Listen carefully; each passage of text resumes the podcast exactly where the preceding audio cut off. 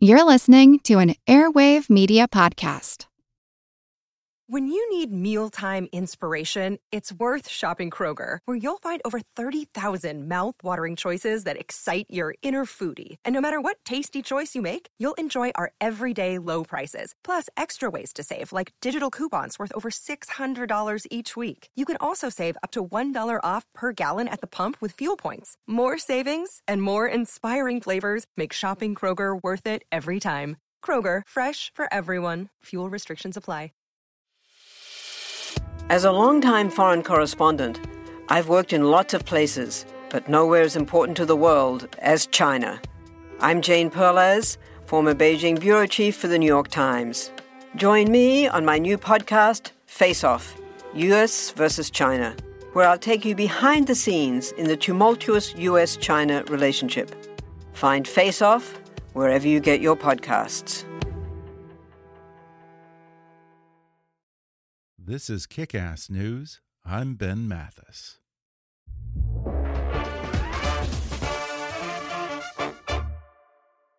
Beginning on Sunday, March 29th at 8 p.m. Eastern and Pacific, the acclaimed news documentary series Vice moves from HBO to Showtime. Since its debut in 2013, Vice has delivered crucial in depth journalism from the front lines of global conflict, including civil uprisings in Iraq, Syria, Yemen, and beyond, and has provided perspective on some of the world's most pressing issues from LGBTQ rights and the climate crisis to immigration and gun control.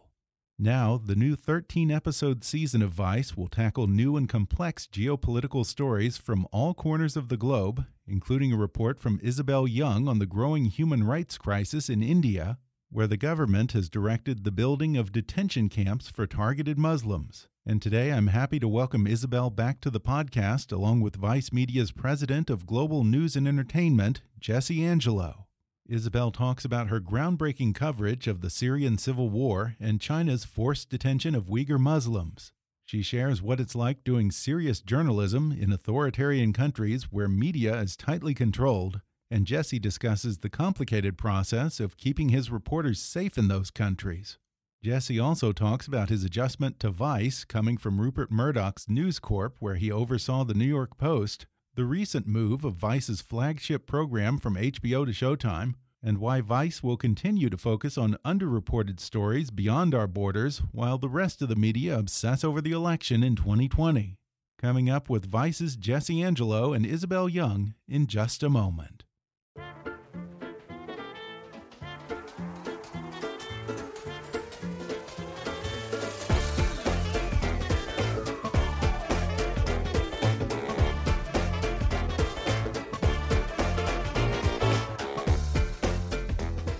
I'm sitting down with Jesse Angelo and Isobel Yeung of Vice. Jesse Angelo joined Vice Media as president of Global News and Entertainment in June 2019, where, among other things, he's overseeing the revamp of their cable network Viceland and the move of their flagship program from HBO to Showtime.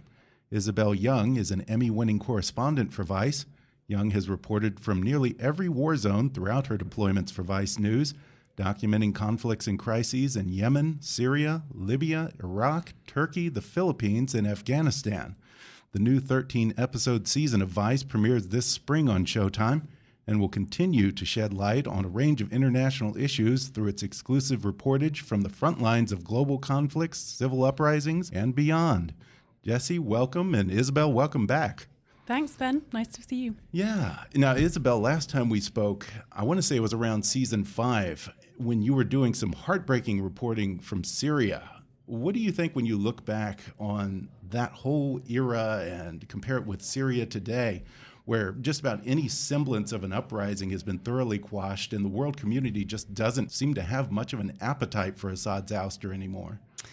Yeah, I mean, um, it's incredibly heartbreaking to think about what's happened and how this has dragged on. I mean, even in the last year or so, in the last few months or so, we've seen how things have escalated and what is an incredibly fragile situation. And um, the grievances that people had even before the civil war broke mm-hmm. out have only escalated, and um, it's things are in real turmoil. Well, yeah. And then on a lighter note, I suppose, I do sort of remember that you had an interesting moment where I guess you went on a state sponsored morning show in Syria mm-hmm. on the Assad controlled network. which was it was weird. It was like you know a little propaganda with your morning coffee, and I remember you and the host just seemed to be talking on two different levels and two entirely different subjects. It was, oh, it was the weirdest thing. Yeah, and that's the world's most awkward live yeah. TV moment. yeah, where he just was not answering any of my questions. I did not want to answer any of their questions, and it was just a real battlehead. And on live TV, this producer was in my ear telling me to shut up and answer the questions. now, given that many times you're going to places where media is very tightly controlled do those kind of situations after a while start to become less and less surreal and just par for the course for you? Uh, you know, there's definitely a lot of very surreal, strange situations you find yourself in as a foreign correspondent. Um, I don't know if they get part of the course. I mean, I think what's exciting about this job is I feel incredibly privileged to be able to go to these places mm. and tell in depth stories, immersive stories, very raw stories, and to be able to meet people in some of the most vulnerable situations and circumstances in the world. Um, and that's not something I take lightly. And I think that um, using that responsibility is incredibly important. And so I don't think that they become part of the course. I think that um, you know you get more used to handling those kind of situations and um, knowing how to take them on board. i am assuming that when you're in a place like Syria or Afghanistan, you have a lot of handlers around you that are kind of sanctioned by the government and trying to steer you to certain stories, certain subjects, and so forth. How do you go about dodging them and getting to the story that you really want to tell? Yeah, that can sometimes be a challenge. I mean, it depends in what circumstances you go in under. So often, as you said, we're going in with government forces or we're going in under government duress. And so, mm-hmm. yeah, kind of managing the minders um, becomes sort of a full time job between me and my crew. Um, other times, we're going in under the um, control of militias or certain um, certain military factions, and so our security is kind of in their hands often. Yeah. Um, and so then it becomes a case of kind of managing their expectations and being able to talk to people and tell the stories that we want to do. So it's a constant kind of dance around yeah. that stuff. And Jesse, as the guy who's charged with keeping them safe, how do you go about that? I mean, Vice is a, a, pretty big operation, but it's not CNN where you have you know a bureau in every country and these long established ties with security operations there. Well, I think first of all we have a remarkable security team, mm-hmm. um, which uh, truly is tops in the industry, um, and uh, w- they've actually now other news organizations and others have been coming to us asking sort of for training and help and really? how, and how we do security assessments huh. um, and how we, we train our people. So we take it very very seriously, um, obviously, um, but that doesn't mean it's it's not nerve wracking. and look, we're always going to be led by our correspondents and our producers uh, at the outset, most of the time, these are stories that they are pitching. They're coming to us and saying, I want to go here because here's a story we need to be telling. Um, so it starts with, with their passion for wanting to get that story. Um, that makes you as an executive say, well, geez, we, you know, my job is to figure out, well, how can we do that? How can we do that safely? How can we get that story on the air? How can we deal with whatever legal issues there may be? Um, you know, sort of how do we make sure that the the the kindling of a story idea and and the passion um, that our correspondents and producers bring to their job, uh, you know. Uh, my job is just to shepherd that along and make sure it gets to where it needs to get to um, safely. But but look, I, I think the first time when Isobel and I encountered this. She she was on the ground in Idlib um, in Syria a few a few weeks before um, al Baghdadi was killed, and this is a trip they had wanted to take uh, for a long time and had been working for a number of years to get the right access. and And when they said, "Well, we've got it," uh, you know, we're going to go, and and we knew it was scary, and I was, you know, I had a slightly sleepless night, and Isobel, of course, it, no, Isobel, of course, was totally fine. You she, and my mom. I mean, Isobel was fine. She she jetted off, and you know, you know, slept slept on a cot in a tent somewhere, and, and shook it off like no drama. But you know know, I was back home going, gosh, I hope they got home safe. But yeah. of course they did. But look, you know, I think all journalists, you trust your gut and you mm-hmm. trust your you trust your intuition yeah. um, when you're on the ground, and um, and we always have obviously contingency plans and uh, ways to get out and. Um, uh, you know, knock on wood, um, our, our, teams, you know, they've been in some some close scrapes, but uh, everything's gone fine mm-hmm. so far. Now, Jesse, you're sort of the new guy at Vice. Uh, you came over in June 2019 after serving as chief of digital advertising solutions at News Corp, as well as publisher and CEO of the New York Post, where you worked pretty much, I think, your whole career, 20 years or something like that.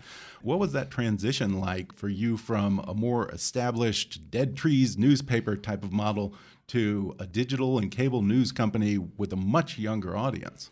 Um, it was uh, it was a fascinating and electrifying experience, and I, have been enjoying every minute of it. Yeah. Um, uh, Vice is a remarkable, remarkable company. Um, you know, we operate in 25 countries and 35 languages.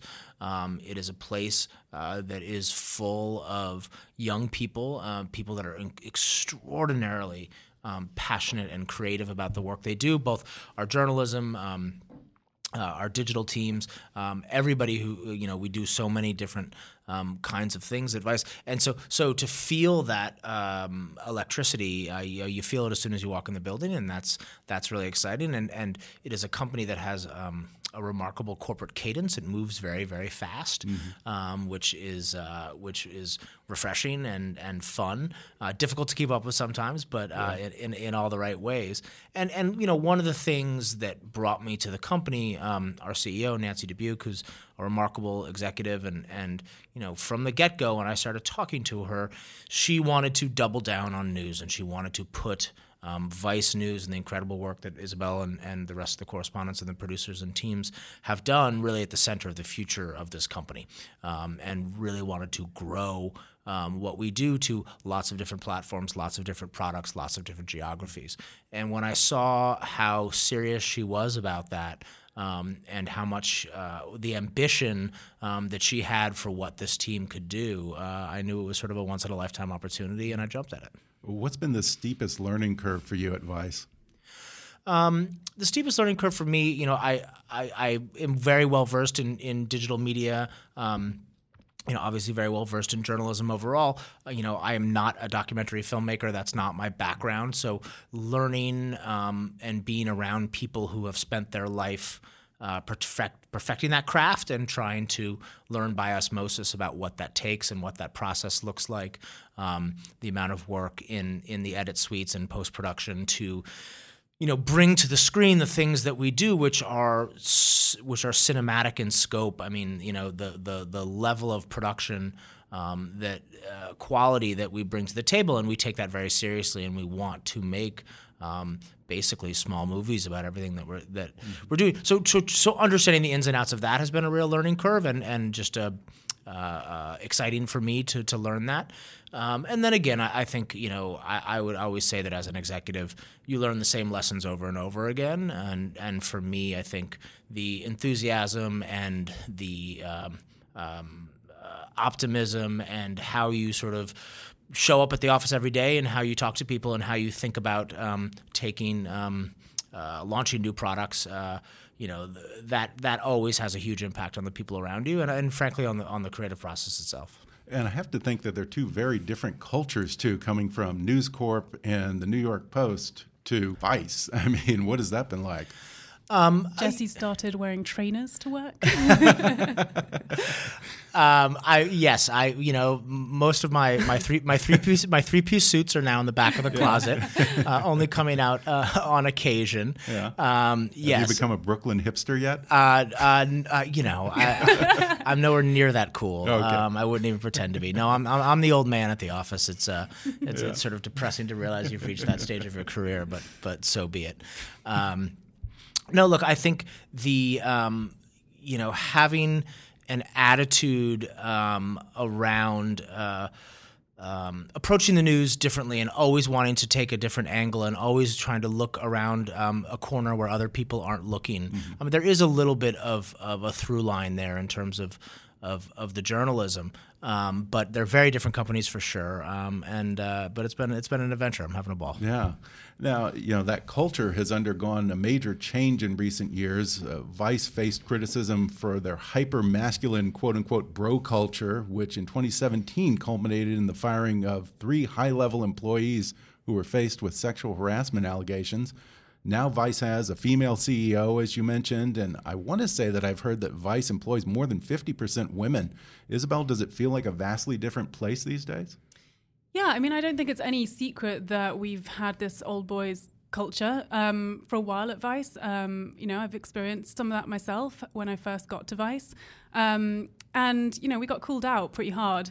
And as a result of that, we've seen pretty impressive changes, I would say, at the company.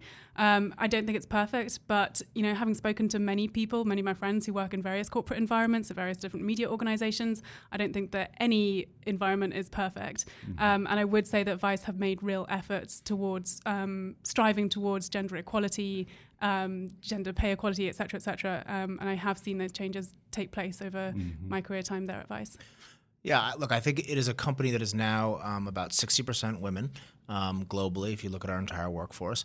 And I give the company, and again, this started well before I got there, um, but especially in comparison to some of the other um, uh, corporations out there. Right. Vice, you came from Vi- from News Corp, which had its own problems. Well, th- those problems were actually at Fox and uh, right, two right, separate companies. Right. But, did, um, I'm curious. Did you see any of that, or did you have much interaction with Ailes? Because you were kind of walled off in this whole separate operation. Right. I, I mean, so. you know, Fox and News Corp yeah. were separate companies. Um, I mean, you know, I I would see Roger now and then, but no, I didn't have mm-hmm. anything really, okay. any daily interaction with him at all. Um, so for Vice, you know, I think I think they really tackled these issues head on and did so in a very forthright um, and, and honest manner, and I give them enormous credit uh, for having do, having done that. If you look at our newsroom, all of my direct reports in the newsroom are women.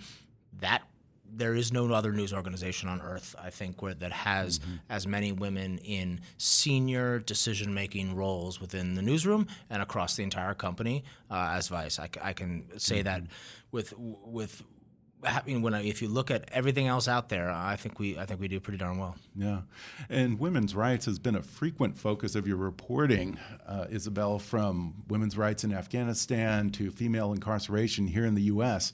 Do you expect that some women's rights issues will be part of the new season of Vice coming up? Yeah, definitely. I mean, I think it's incredibly important. Women's rights are human rights, and um, that will continue to be an incredibly important um, area and genre that I report on across mm-hmm. the world. Curious, have you guys figured out what you're going to be covering this year yet? Uh, some of it, yeah, the, yeah. The reason it's we're being a, little bit cautious is, yeah, I don't yeah. know how much we're able to say and how much we're not because we don't want okay. people to steal our stories. okay, but um, yeah, there's uh, yeah, women's yeah. women's rights and women's roles in power and in the world will definitely play yeah. a part in my reporting this year. Uh, yeah, and it's interesting what you just said about you know not wanting anyone to steal your stories because you do tend to be a little bit ahead of the curve in terms of tackling issues that no one's paying attention to yet. A lot of times. I, particularly, I think that brings to mind, Isobel, your coverage of the Uyghur Muslim population in China and how they've been treated by that government. You say that that was one of the most harrowing assignments of your life. What was the scariest part about that? You know, it's um, the Chinese government have done an incredibly good job at ensuring that reports are not effectively coming out of that region. And so when reporters go there, they're followed very closely. They're made sure that they can't speak freely or report freely to locals, mm-hmm. um, or they're taken on a essentially dog and pony show around certain camps and shown specific things that the Chinese government wants you to see. Um, so it's incredibly tightly controlled. So we went in undercover as tourists and we filmed with hidden cameras, um, and it was a terrifying experience because this is the strictest surveillance state in the world right now. Yeah. Um, you're seeing security cameras everywhere. You're seeing facial recognition cameras. Your, um, you know, your phones are being checked everywhere you go. There's so many thousands and thousands of security people everywhere. Um, it's a really intense Orwellian atmosphere to be in um, and it's you know it makes me shudder to think of it now actually. Yeah yeah and you know i know that you've spent a lot of time in china. I know that you kind of started your career working in shanghai and i'm assuming by your last name that you're of chinese descent. When you're going to a place like china do they treat you differently than they might treat a white american reporter? Is there do you encounter situations where the authorities maybe assume that you kind of fit within their authoritarian structure and they can bully you a little bit more? In certain ways. I mean, I think I was mistaken for being a Uyghur a lot of the time because I Oh, actually really? look um, kind of Central Asian. Wow. Um, and a lot of people there are sort of mixed, which is what I am as well. Um, so, you know, when I went to that region 12 years ago, that really played to my advantage because it just meant that I could get around Mm-hmm. much easier. Now that this mass persecution of this one Muslim minority has taken place, it means um, you're stopped everywhere you go. Your ID is checked, you're questioned, you're brought into various um, corners and, you know, really grilled by security forces. So it doesn't necessarily Wow. benefit you. But then on at, at other times, um, it felt like you could uh, sort of, in certain places, um, mix in a little bit better. Um, you're not picked up as as Mhm. much as you know. Jesse walking around in Xinjiang would definitely get uh, pretty Might stand out a bit. pretty quickly noticed. now, given your British and Chinese background and the fact that you've spent so much time in Shanghai, what do you make of the protests in Hong Kong? I, I don't recall if you've actually covered that yet, but how do you see that standoff between the protesters and authorities playing out? Yeah, I was in Hong Kong a couple of months ago reporting on the protests. Um, it's you know it's been really incredible to see um, the scale of uh, these protests playing out and the fact that they're not really um, giving up. And you know I've spoken to so many young Hong Kong people who and older Hong Kong people actually who are really united in this. Um, you know just recently the results of the Taiwanese election was cause for um, Hong Kong people to be celebrating. Um, and I can see them picking up again this year. It does not seem like um, something. It's a it's a cause that people are really literally willing to die for, um, and so it's going to be incredibly interesting to see how China responds to that. And I think I mentioned that your first job as a reporter was working for a state-run media outlet. You don't in have to Shanghai. mention that. but, but well, you quickly, I guess, left and became a freelancer. What, what was it like going from that to a company like Vice? You know, if there's one way to figure out what it is you don't want to do in life, it's working for Chinese state TV. um, it's a very that. good lesson in everything um, that is not important to me. um, so yeah, I, you know, transitioning to a freelancer and then working for Vice, you just feel such an incredible sense of freedom to be able to report on the issues that are important, um, to be able to push through stories. Um, it's really liberating. We're going to take a quick break, and then I'll be back with more when we come back in just a minute.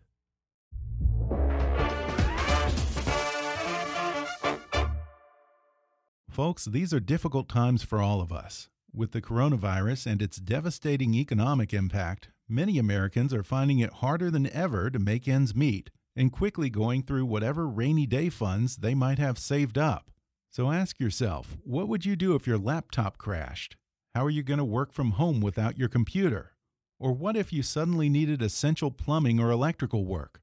Goodness knows having the whole family working and living at home is putting a lot more wear and tear on your house right now. And you can't just go without power or water, so what would you do? If staying on top of your budget and protecting your home are goals for this year, take a look at American Home Shield. They give you a plan when stuff breaks down in your home. What kind of stuff? Refrigerators, ovens, heating and air conditioning, plumbing, electrical systems. Stuff insurance doesn't cover, and stuff you don't want to mess with or go broke trying to get fixed. If they can't repair the covered item, they'll replace it or offer an alternative solution. American Home Shield founded the home warranty industry almost 50 years ago, and as the nation's largest provider, they've paid more in home warranty claims than any other company, including 2 billion in claims over the past 5 years. There's also a nationwide network of more than 15,000 licensed professional contractors, so they can find the right pro in your area to fix your problem. Coverage is available no matter how old your systems and appliances are, with plans and pricing to fit every budget. In these uncertain times, do yourself and your family a favor and buy yourself a little peace of mind. Go to ahs.com/kick today to save $50 and start protecting your home and budget from inevitable breakdowns. ahs.com/kick. That's ahs.com/kick for $50 off any plan. American Home Shield. Be sure with Shield. Limitations and exclusions apply. See plan for details. Now, I mentioned that Vice's flagship news program is moving from HBO to Showtime this year. Jesse, what do you guys like about Showtime as a fit for the show? Um, they're fearless. Um, and that's when I think about Vice News, that's always the word that comes to mind mm-hmm. fearless. Um, Showtime has shown that they want to push the envelope in the stories that they tell, and that's how we as a news organization think as well. And um, Vinnie Malhotra, who's the the executive um, at Showtime that we've been working with, is is a longtime uh, news guy. He's been in the news business for a long time, and it was it was amazing when he walked into our newsroom and started talking to our, our producers and correspondents. It was just instantaneous. I mean, news people know news people, right? You can yeah. you can tell, and there's almost a you know a secret coded language, and it was it was remarkable to see how quickly that sort of um, clicked um, and um, you know they've been a, really a great partner to us thus far and, and pushed us creatively and journalistically and said, "Look, we we know and love what Vice News does, and we know and love this show and the work that Isobel and Ben and Seb and and all of our correspondents have done for so many years." They said, "We certainly want that, but we also want something that you haven't done before, and we want to." Um, you know, see something different and new and better. So we've sort of had to evolve um, how we think about the show. And and uh, you know, you you asked before about story selection, and you know, one of the things I think that Vice is incredibly good at. Um, is being able to find these stories, these areas, these hot spots um, before everybody else is sort of aware that they're even on the radar. And and again, while we don't want to give away uh, the stories we're going to be telling, you know, we've already deployed on the ground in Latin America, in Africa, um, in the Mid East, into places that I don't think are on anybody else's radar mm-hmm. yet. Um, but I feel pretty confident are going to be in the headlines mm-hmm. next year and the year yeah. afterwards. Um, and you know, going back to to uh, you know our coverage of ISIS uh, or the alt right here in America, um, you know, I think think having your sort of ear to the ground and truly being deployed a lot, being in region a lot, like like Isobel, truly living your life um, in in these stories, that leads to you hearing about things before other people do. And Showtime very much wanted that; they were very excited about that, um, and you know we're excited to evolve the show as well. Yeah, is it going to be a vastly different show than the HBO incarnation? Um, in terms of format, it will be similar in the sense it'll be a half hour show with okay. two 15 minute segments. Um, we may on occasion do a full half hour on, on certain things. I think in terms of the look and feel, um, it will you will notice that it has changed.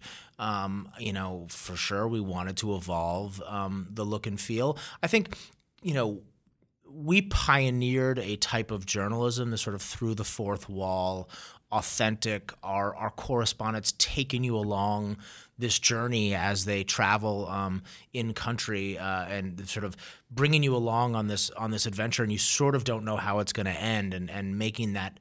Um, uh, making the, the the sort of getting there as part of the mm-hmm. story, um, and that's I think has been to a degree um, now uh, copied in a lot of places. Mm-hmm. So we felt sort of onus to say, well, how do we how do we evolve? Yeah. How do we um, uh, bring something new to the table?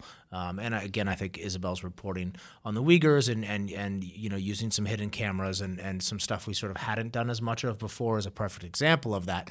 Um, you know, as journalists and as as creative storytellers, as filmmakers, we wanted to push the envelope too, and Showtime was was incredibly mm-hmm. supportive of that. They they were like, yes, let's let's do something that hasn't been done yeah. before. Is the thinking to pair Vice with the circus because that seems like a very natural fit if you're going to be on Showtime? Um, you know, that would be a question for Showtime. Mm-hmm. Um, you know, I think because of the circus and the, the truly, you know, excellent reporting they do, um, sort of on the inside the Beltway 2020, right. uh, you know, we'll probably steer away a little bit away from uh-huh. sort of U.S. domestic politics in okay. that sense of covering the race.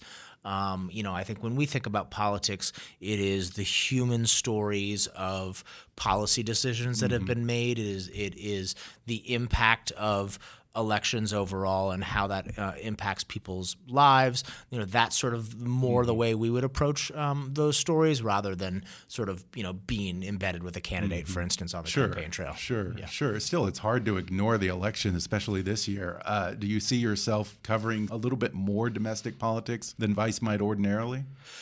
Well, look, we, we have a lot of different shows and platforms that we mm-hmm. report the news on, so right. we will we are certainly going to be um, covering lots of 2020. Um, but again, I think for the you know for Vice on Showtime, um, you know the focus is a little bit more international, a little bit more in conflict zones and post-conflict zones, um, and again a little bit of trying to take people to a place they've never been before, um, rather than taking them to Capitol Hill. I also think it's important to remember that US politics stretches beyond these borders. And whilst we're seeing the, the n- amount of foreign news coverage in this country is getting squeezed and squeezed into smaller and smaller spaces, um, it's incredibly important for us to be reporting from different areas of the globe because um, those impacts are so far reaching. And I think that we can never claim ignorance to what's going on beyond our own borders. Yeah, yeah, that's an important point that comes up a lot with journalists these days is how we get in such a tizzy over every Trump tweet. And that sucks up so much of the oxygen from all of the other heartbreaking things that are happening all over the world right now. Yeah, I, and I I think that you know, looking beyond the daily um, president's tweets is Yeah. a, a real focus of ours. Yeah, yeah, and look, I think there's a, in my opinion, a bit of a fallacy of this thinking that U.S. audiences don't want international news and aren't interested in what happens outside their borders. Right. Um, I think they are if you tell those stories in the right way. And you know, for us, we we we so often we lead with the humanity, um, and you know we are. Uh, when we're going to go cover um, stories, they obviously have broader geopolitical impact. They're talking about conflicts. They're talking about the um, the, the effects of U.S. policy. Um, but within that, within those documentaries, you're going to find human, compelling stories to tell, and that's what people will then relate to, and that's how they can tie into it. Um, and again, if I think it's sort of like it's the old saw like of, of sort of a pollster trick, right? If you ask people, "Do you want international news?" They're like, "Oh, no, not really." And you're like, "Do you want more in-depth, you know, understanding of this issue?" And they're like, "Oh, yeah, of course I do." Right? So it's sort of a like, how do you a, a, little bit of how you you ask the question. So, um, you know, I think people are interested uh, in those stories, um, and we're going to go find them and tell them. And now I'm curious, you've been in this business for 20 years. Does this feel like, with the election and with impeachment, does this feel like a vastly different moment than anything that you've witnessed before? Um, look, I you know I I I ran the New York Post newsroom on 9/11. Um, you know, I, I've I've been through some big ones. This moment certainly feels unique. It certainly feels important. Um, you know, I think uh, you know e each and every era of the news feels different. Um, and you know, I think this is a, a truly. I think the people's sort of fascination with and consumption of news. There's this, there's this very interesting dichot- dichotomy, right? That people are obsessed with the news right now in a way that um, is is overwhelming, right? On our phones, every Right. every news alert, every tweet, you know, we're constantly so plugged into everything that has happened and it all feels so momentous at each moment truly like the world could end the next day or something truly horrific could happen at each moment. But at the same time mistrust of news is at an all-time high. Mm-hmm. And that people say you know that you look at these studies and 70 80% of what they see on social media they don't believe. So everybody's completely obsessed with the news and at the same time saying well i don't believe any of it it's this very strange sort of dynamic and and that's one of the things we look at a lot um, at Vice News and what makes us different. If you you know we've done lots of studies, we have enormous trust from our audience. Mm. Enormous, ninety percent of people under thirty five who know Vice News trust it. That's a crazy statistic, and we mm-hmm. take that trust very, very, very seriously. Mm-hmm. And part of that comes through in the authenticity of of what we do. You know, we're not always going to put a pretty bow on a story and say, well, we've got the answer here for you, you know, coming up tonight at 11. We're going to say, look, these are really difficult, thorny issues, and maybe we don't have an easy answer for you, but we're going to take you deep. We're going to talk about it. We're going to explain it as best we know, and we're going to take you along on our journey as we learn about that story as well. And so I think that sort of approach leads to a trust that isn't um, the same kind of trust you, you have out there elsewhere. But look, 2020 is a momentous um, election for sure. Um, you know, the state of the world um, is is is fragile, and I think you have this also this bigger historical moment where you have it's something I've talked about in, in our internal meetings um, with, with Showtime, it, it, it's sort of you've had this moment of sort of the failure of Davos Man, of this moment that came, you know, yeah. ten or fifteen years ago. Well, if we all just get together and set up right. the right, you know, global um, systems of trade, and it's going to lift everybody's boats, and you know, we were on the edge of this sort of shiny new post-partisan, post-conflict era where everything was gonna was going to be fine, and that that has obviously failed very fundamentally, and I think that's driving so. You know, I see that as a through line um, for the rise of author- authoritarianism, of nationalism mm-hmm. in lots of different mm-hmm. places. I think there's yeah. sort of a bigger um, moment happening. Yeah, and there's so much, as you mentioned, skepticism of the more established cable news networks and programs from both the right and the left these days. To me, it almost seems like some of the cynicism that we've rightly or wrongly labeled millennials with has become contagious and has started to pervade the entire culture. Do you think that it creates an opportunity for Vice News to expand its reach? Yes. I mean, look, I, I think that mistrust it's it is endemic to a lot of institutions right now. And when it comes to news, you know, some of that has been state actors, intelligence services, mm-hmm. certain politicians, you know, purposefully um, creating mistrust in news, creating mistrust in facts, in basic journalism um, and trying to sort of denigrate the work of lots of good journalists in, in lots of good places. Um, but again, I think it is an opportunity for Vice News because people do see us um, as sort of outside the system um, mm-hmm. to a degree, and again because we do have this this trust with our audience, and I think as more people see our products, listen to our products, watch our products, um, they understand that and and and see it. Um, Izzy, yeah. Yeah, I'd agree. And and as we said before, I think you know we call bullshit on millennials being um, you know very self-centered and not really caring about mm-hmm. things beyond their own um, own little worlds and i think that as long as you're telling stories that have human connections um, that people can relate to mm-hmm. then um, i do think there's a real opportunity to expand and broaden people's minds and mm-hmm. understanding of the world and i think vice actually coined the term immersive journalism which boils down to sort of getting a closer more authentic story compared to CNN or Fox News, where you know you can barely see anything because of all the graphics on the screen, do you think that millennials want their news delivered in a raw or less produced package these days? Yeah, I mean, I think you know, there's a lot of people who are engaging and who kind of contact me when they watch my films are getting younger and younger. It's millennials really? and it's Gen Zs, and um, they're reaching out and they're asking very engaging questions w- about our stuff. And mm-hmm. um, you know, people, the world is smaller than I think it's ever been before. People are very connected. Um, people are interested and they want to know what's going on. And yeah, I mean, what drew me to Vice is that kind of immersive, raw, authentic style of journalism um, where you feel like you can enter a place and be yourself and ask questions as I am talking to you right now, mm-hmm. um, and listen to stories and try and convey that in the purest, truest, rawest sense. Mm-hmm. And I think when it comes to that younger generation, when it comes to Gen Z, I mean, they all have grown up with with I mean a master's degree in media studies, right? I mean they are they are highly fluent, deeply fluent um, in where stories come from, how they travel, how they're made, how they're created. You know, these are people who grew up with literally editing tools at their fingertips yeah. in their phones. They know how to make movies, you know, mm-hmm. in, in, a way right. that the previous generations didn't. So, right. so and, know, and, they know that they can take their phone and videotape a moment, and that has the potential to be on CNN the next day, which my generation never even dreamt that that would be possible. Right, and and you know, I think the the if if the previous generations of millennials um, sort of had a bullshit detector. Um, you know, it's been said Gen Z has a bullshit flamethrower. Mm-hmm. Like it's not it's not just that they detect it. If they yeah. think they are being lied to, if they think that they are being that especially with any sort of whether it's a news source or any institution around them, be that governments or schools or whatever it is, if they think that they are being spoken to inauthentically and someone's trying to put one over on them, they will call bullshit instantly and they will take it out on on you very quickly. And I mean, how many brands have we seen that sort of you know tried to trot out a new you know some uh, you know a new campaign and just been scorched on social media for it? You know, this generation will not tolerate um, falsehood uh, and sort of speaking with with a forked tongue. And you know that for us, I think, plays into sort of where we as Vice have always been.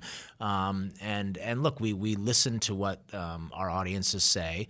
And again, you know, we're, we're a company that's in 25 countries, and in most of those countries, the most of the people that work for the company are from there and they are young and we hear what's going on and we hear how those communities um, are, are reacting to what's happening to international news to how U.S. policy and so on. So we sort of have this internal unfiltered system of hearing what's happening around the world that I think really informs how we view the world.